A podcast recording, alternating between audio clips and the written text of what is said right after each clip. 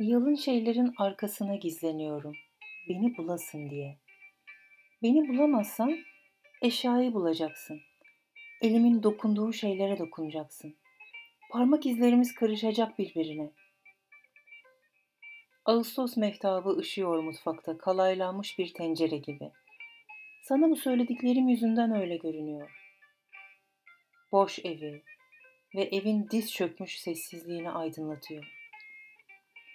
Sessizlik hep öyle diz çökmüş gibi kalıyor. Her sözcük bir geçittir bir buluşmaya. Çoğu zaman vazgeçilen. İşte o zaman doğrudur o sözcük.